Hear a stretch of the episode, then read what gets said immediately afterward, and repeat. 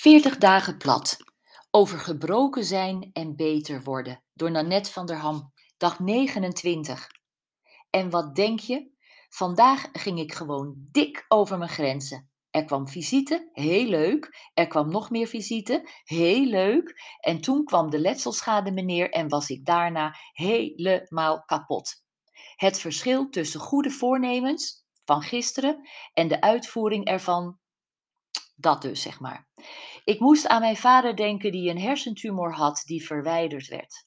Zijn lichaam was daarna zo hard aan het werk om de kwetsuur te genezen dat er geen energie overbleef voor de rest van zijn lichaam. Hij kon amper op zijn benen staan. Dat principe heeft mijn lichaam natuurlijk ook.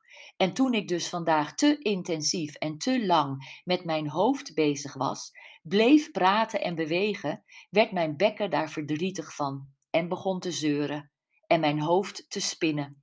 Het was zo'n logisch verhaal. Weer wat geleerd, al moest het enigszins kwaadschiks.